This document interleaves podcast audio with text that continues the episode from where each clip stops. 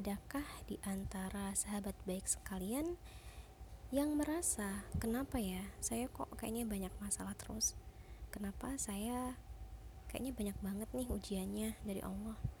Langkah pertama ketika kita menghadapi masalah atau ketika kita mendapati cobaan itu adalah kita harus tetap berprasangka baik kepada Allah berhusnuzon kepada Allah karena ada dua kemungkinan kenapa kita diberi ujian oleh Allah yang pertama yaitu karena Allah ingin menghapuskan dosa-dosa kita yang telah lalu.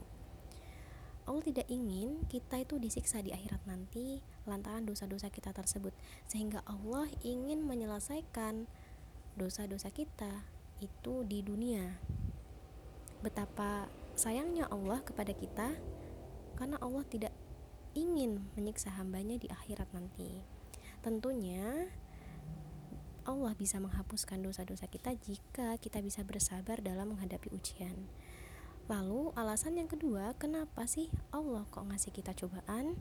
Karena Allah ingin memberikan pahala dan pahala sabar ini sangat besar sahabat baik. Pahala bagi hambanya yang sabar ketika menghadapi ujiannya.